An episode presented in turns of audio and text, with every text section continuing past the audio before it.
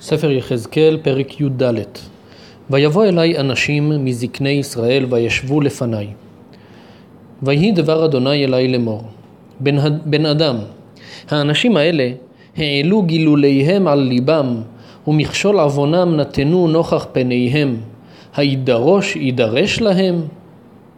באים אנשים מזקני ישראל, יושבים לפני יחזקאל, והשם מדבר עם יחזקאל על ההבדל בין הפנים לבין החוץ אצל אותם זקנים מזקני ישראל. הם באים להידרש אל הנביא, אבל מה שבאמת מעניין אותם זה להעלות את גילוליהם על ליבם, ומכשול עוונם נתנו נוכח פניהם, כלומר הם מחפשים אה, הצדקות כדי להמשיך לעבוד עבודה זרה, להמשיך בעוונות שלהם. האם אני אדרש להם? כלומר, האם אני אתייחס אליהם? לכן דבר אותם ואמרת עליהם, כה אמר אדוני אלוהים, איש איש מבית ישראל אשר יעלה את גילוליו אל ליבו, ומכשול עוונו ישים נוכח פניו, ובא אל הנביא. אני אדוני נעניתי לו ברוב גילוליו, למען תפוס את בית ישראל בליבם, אשר נזורו מעלי בגילוליהם כולם.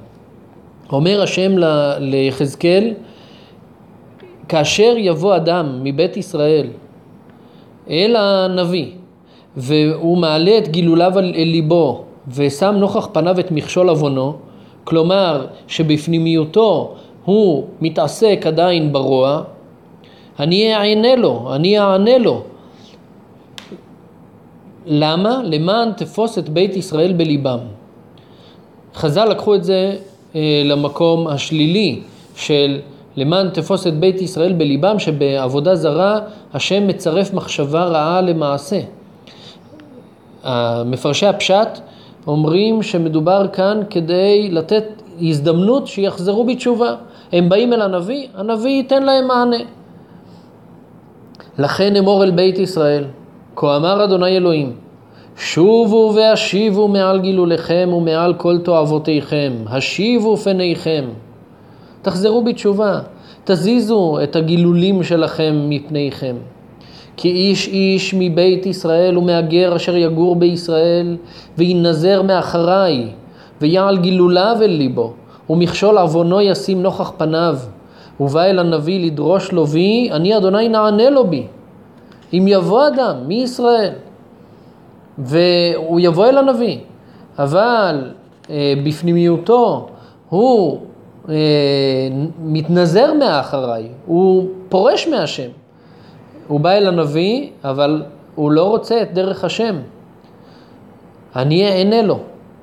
ונתתי פניי באיש ההוא, והשימותיהו לאות ולמשלים, והכרתיו מתוך עמי, וידעתם כי אני אדוני.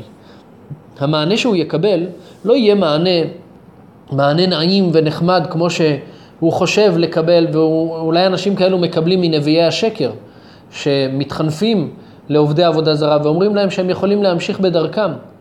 לא, התשובה של נביא האמת תהיה תשובה קשה, שהשם ייתן את פניו באיש ההוא. הוא יקבל מענה, אבל מענה חריף ונוקב. והנביא כי יפותה ודיבר דבר. אני אדוני פיתיתי את הנביא ההוא, ונטיתי את ידי עליו, והשמדתיו מתוך עמי ישראל. אם יעשה איזשהו נביא, שהוא נביא שקר, והוא יתפתה וידבר דברים שנעימים לאותו אדם שבא כביכול לבקש את דבר השם, אבל הוא רוצה להישאר עם גילוליו, אומר הקדוש ברוך הוא, אני השם פיתתי את הנביא ההוא, בלשון של תמיהה, כך מסביר המצודות. אני זה שפיתתי אותו, הייתה בחירה חופשית לנביא, נביא השקר, האם אה, לתת מענה של חנופה לאותו אה, אדם שדבוק בעבודה זרה או לא. ולכן אותו נביא שקר יושמד מתוך עם ישראל. ונשאו עוונם, כעוון הדורש, כעוון הנביא יהיה. גם אותו דורש וגם אותו נביא נביא שקר, הם שניהם יישאו את עוונם. למען לא יטעו עוד בית ישראל מאחריי, ולא יטמאו עוד בכל פשעיהם, והיו לי לעם, ואני אהיה להם לאלוהים נאום אדוני אלוהים. הדבר הזה נועד כדי להשיב את ישראל בתשובה, כדי שלא יטעו עוד מאחרי השם. ויהי דבר אדוני אלי לאמור, בן אדם, ארץ כי תחתה לי למעול מעל, ונטיתי ידי עליה, ושברתי לה מטה לחם, והשלכתי בה רעב, והכרתי ממנה אדם ובהמה, כאשר ארץ תחתה. ויגזר עליה בגלל המעל של, של הארץ הזאת, ייגזר עליהם רעב, ושיכרתו ממנה אדם ובהמה. והיו שלושת האנשים האלה בתוכה, נוח, דניאל ואיוב. המה בצדקתם ינצלו נפשם נאום אדוני אלוהים.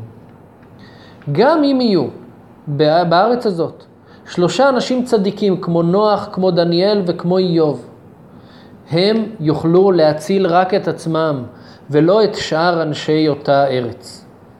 אותם שלושה אנשים שמוזכרים כאן, נוח, דניאל ואיוב, מסבירים המפרשים כמה הסברים למה מוזכרים דווקא השלושה צדיקים האלו. אחד ההסברים ששלושתם האנשים האלו הם יכלו להציל רק את עצמם כאשר באה הפורענות. כך אומר הרד"ק, וזכרם בעניין זה, כחורבן הארץ יהיה בעוון היושבים בה, והם בצדקתם לא הצילו אלא עצמם. והמפרשים מפרטים לגבי כל אחד מהם איפה רואים את הדברים האלו, נוח, דניאל ואיוב, יש עוד פירושים נוספים.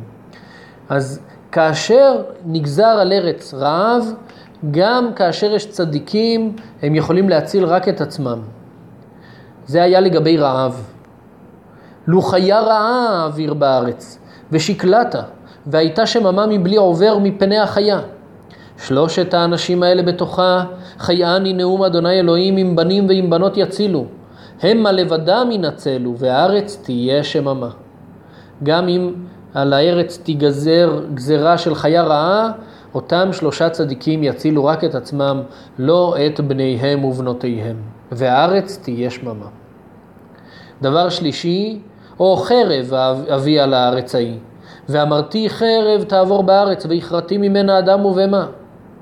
ושלושת האנשים האלה בתוכה חייני נאום אדוני אלוהים, לא יצילו בנים ובנות, כי הם לבדם ינצלו. גם אם יהיה חרב, לא רק רעב, לא רק חיה רעה, אלא גם אם תבוא חרב על הארץ הזאת, שלושת הצדיקים האלו יצילו רק את עצמם. או דבר, אשלח אל הארץ ההיא ושפכתי חמתי עליה בדם, להכרית ממנה אדם ובהמה. ונוח דניאל ואיוב בתוכה, חייאני נאום אדוני אלוהים, אם בן אם בת יצילו, המה בצדקתם יצילו נפשם. הפורענות הרביעית היא דבר, גם אם תבוא דבר על הארץ, להכרית מהארץ, מהארץ הזאת אדם ובהמה, שלושת הצדיקים האלו יצילו רק את עצמם.